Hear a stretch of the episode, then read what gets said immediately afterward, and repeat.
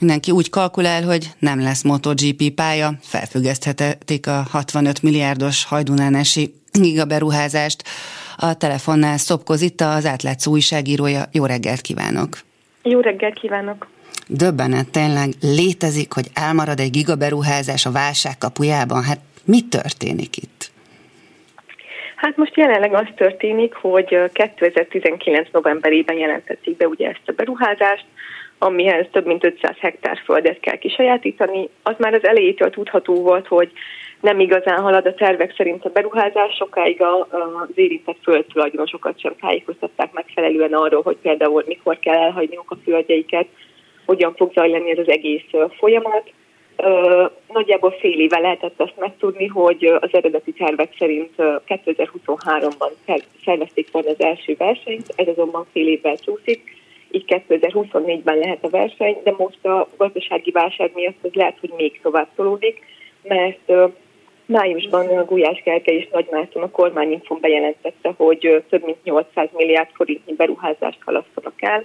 Ezek olyan építőipari beruházások lesznek, amelyeket még nem kezdtek meg, így könnyen lehet, hogy a maga a MotoGP versenypálya építése is is bele fog esni ebbe a halasztásba, erről azonban hivatalos információ továbbra sincs egyébként. Sok száj maradhat így éhesen, hogyha ez valóban így lesz, de ebben a konkrét esetben amit eleve nem értem én legalábbis, hogy mi kerül egy motorpályán 65 milliárdba, de hát nem is értek ehhez. Viszont az nagyon is érdekel, hogy 500 hektárt kellett ehhez kisajátítani. A gazdákat, ki egyébként ez a terület volt, erről megkérdezte bárki? Hát arról nem kérdezték meg, hogy mit szólnak az, hogy az ő területüket kisajátítják el. Utólag szóltak nekik, hogy az ő területük is bele fog esni, de hát nyilvánvalóan sokan nem örültek neki, mert hogy művelik azokat a területeket, voltak, akik állatokat is tartanak, mm. és hát nyilván ez a bizonytalanság is benne volt, hogy először, ha jól tudom, akkor azt mondták, hogy 2021-22-ben kell már eladniuk a területüket, aztán ez most tovább tovább tolódik, hiszen még mindig nem szerezték meg az összes területet. Arra kaptak információt, hogy egyébként mondjuk milyen áron, tehát egy tisztességes piaci áron, a fölött, hogy, a, hogy kárpótolják őket, mivel eredetileg nekik felteszem nem volt eladási szándékuk. Erről mit lehet tudni?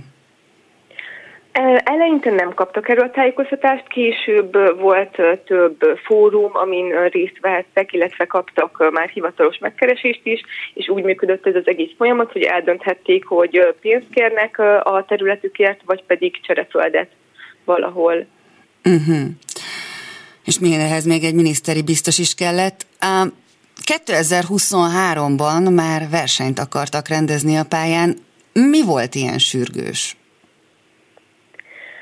Nem tudom, hogy mi volt ilyen sürgős, alapvetően nem igazán tűnt reálisnak azt, hogy ez megvalósítható ilyen gyorsan felépíteni a semmiből egy pályát, de az biztos, hogy most már a 2024-el kalkulálnak, ezt már a pálya jogtulajdonosának a Dorna Sportsnak is jelezték egyébként, úgyhogy Hát nem tudom igazából, az, az pedig, hogy mi lesz a sorsa, hogy megvalósul-e vagy nem, vagy esetleg két-három év csúszással, az, az pedig még továbbra sem biztos, de a, a pálya miniszteri biztosa is egyébként már egyre inkább úgy tűnik, hogy hogy a halasztást kommunikálja, mert július végén a helyi televízióban beszélt arról sokak számára meglepő módon, hiszen ez volt az első hivatalos információ arról, hogy, hogy mi lehet a pálya sorsa.